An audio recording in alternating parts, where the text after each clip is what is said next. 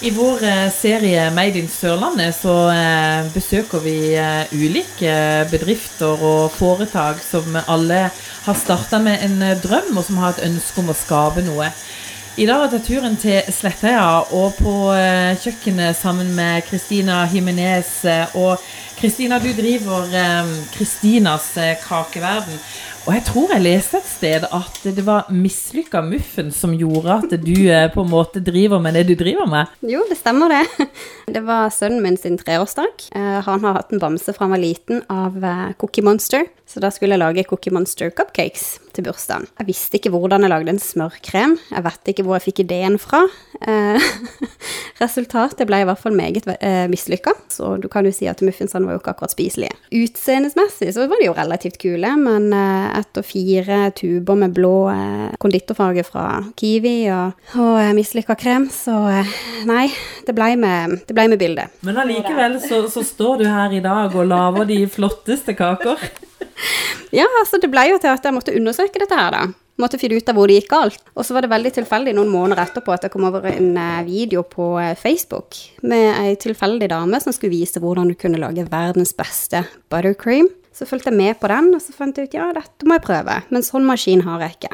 Så da måtte jeg gå og kjøpe maskin. Og så kjøpte jeg maskin og smør og melis, og det jeg trengte. og så fikk jeg prøvd meg litt fram, og så gikk det greit. Så når jeg hadde følt at jeg mestra eh, muffins, så måtte jeg prøve på kaker. Så ble mye baking, mye Toro-poser og mye smørkrem. og så Nei, triksing og miksing, egentlig bare prøving. Og uh, så ble det til at uh, familie, uh, tanta mi, kom til meg og spurte om jeg kunne lage kake til dattera hennes sin bursdag, så da gjorde jeg det. I selskapet fikk jeg spørsmål om jeg tok bestillinger, og det gjorde jeg jo ikke enda. Og så begynte jeg å bli kjent med noen naboer. Eh, da, på, den, på den tida så hadde vi just flytta. Begynte å bli kjent med naboer, og de sa det, herremann, du må jo selge dette her. Så jeg nei, nei, jeg er ikke så god, jeg kan ikke det.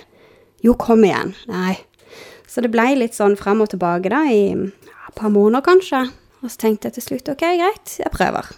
Og så tok jeg bilde av de kakene jeg var mest fornøyd med, og la ut på Facebook. Og så skrev jeg liksom 'Trenger du kake til en spesiell anledning?' Jeg kan hjelpe deg. Allerede første dagen så fikk jeg første bestillinga. Mm. Så Nei, det var veldig gøy. Men betyr det, Kristina, at eh, de fleste kan klare det du har klart, eller er det sånn at det faktisk ligger litt grann i, eh, i gener? Eh, gener, jeg vet ikke helt eh, Mamma mener jeg ikke har det fra henne, i hvert fall. Men eh, nei, jeg tror at man må ha, man må ha tid, først og fremst. Og, og tålmodighet. Og man må rett og slett gidde å prøve. Og man må tolerere å feile. Og så må man rett og slett bare reise seg opp og prøve på nytt. Det er jo der jeg på en måte har kommet dit her nå. Prøvd nye ting. Jeg tråla jo YouTube for alt som var. Eh, Det er for øvrig der jeg har lært alt jeg kan. YouTube. Så det, det ligger ikke noe ligger ikke noe store utdanninger eller fagbrev eller ingenting. Kurs, ingenting. Bak dette det er bare interesse. Mm.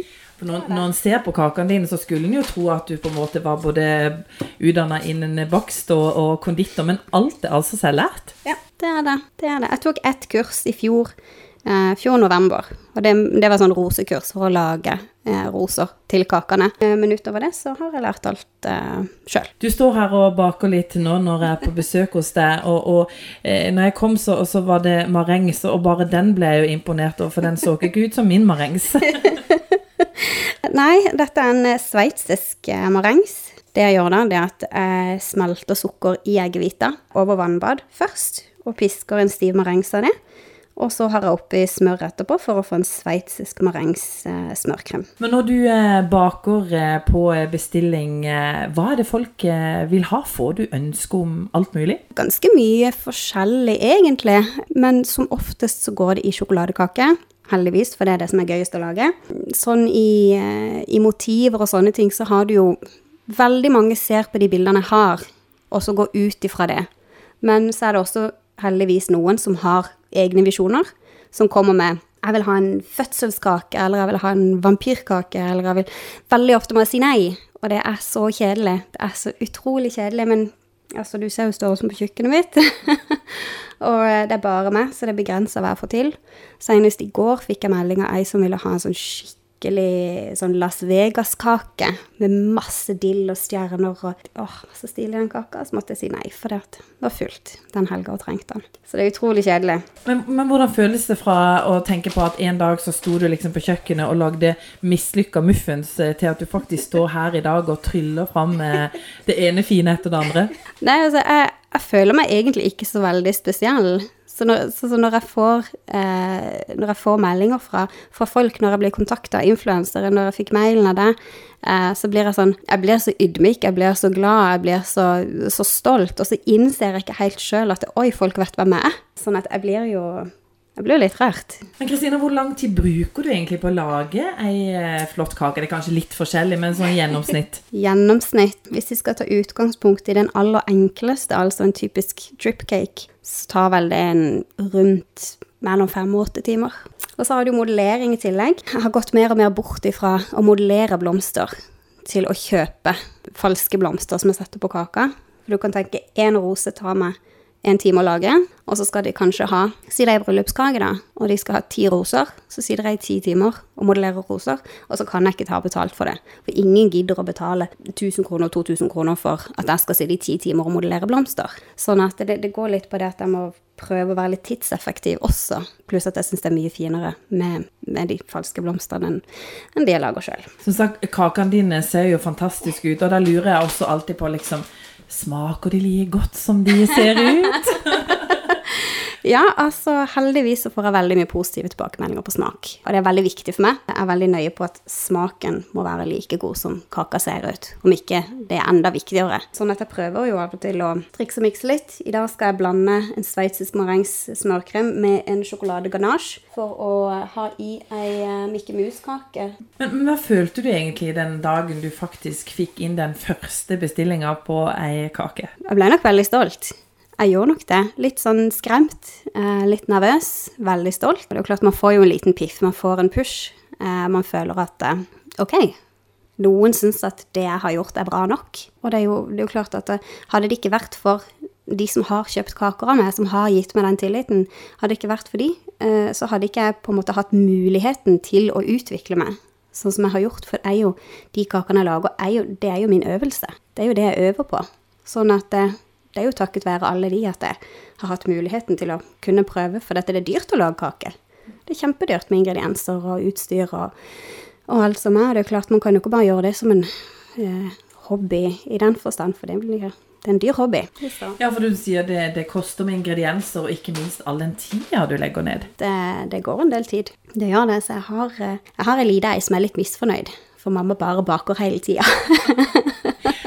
går en del år tilbake i tid til du sjøl var på en måte liten, var det sånn at du da på en måte tenkte på at eh, kaker, ja, det er noe jeg kan drive med? Nei, nei. Jeg hadde vel en periode i femte klasse hvor jeg bakte litt muffins og lagde en helt enkel eh, melisglasur med bare litt vann oppi og kanskje noen sprinkles hvis jeg var så heldig å ha det i skapet. Men uh, utover det så har jeg aldri vært glad i å, jeg har aldri vært glad i å holde på på kjøkkenet.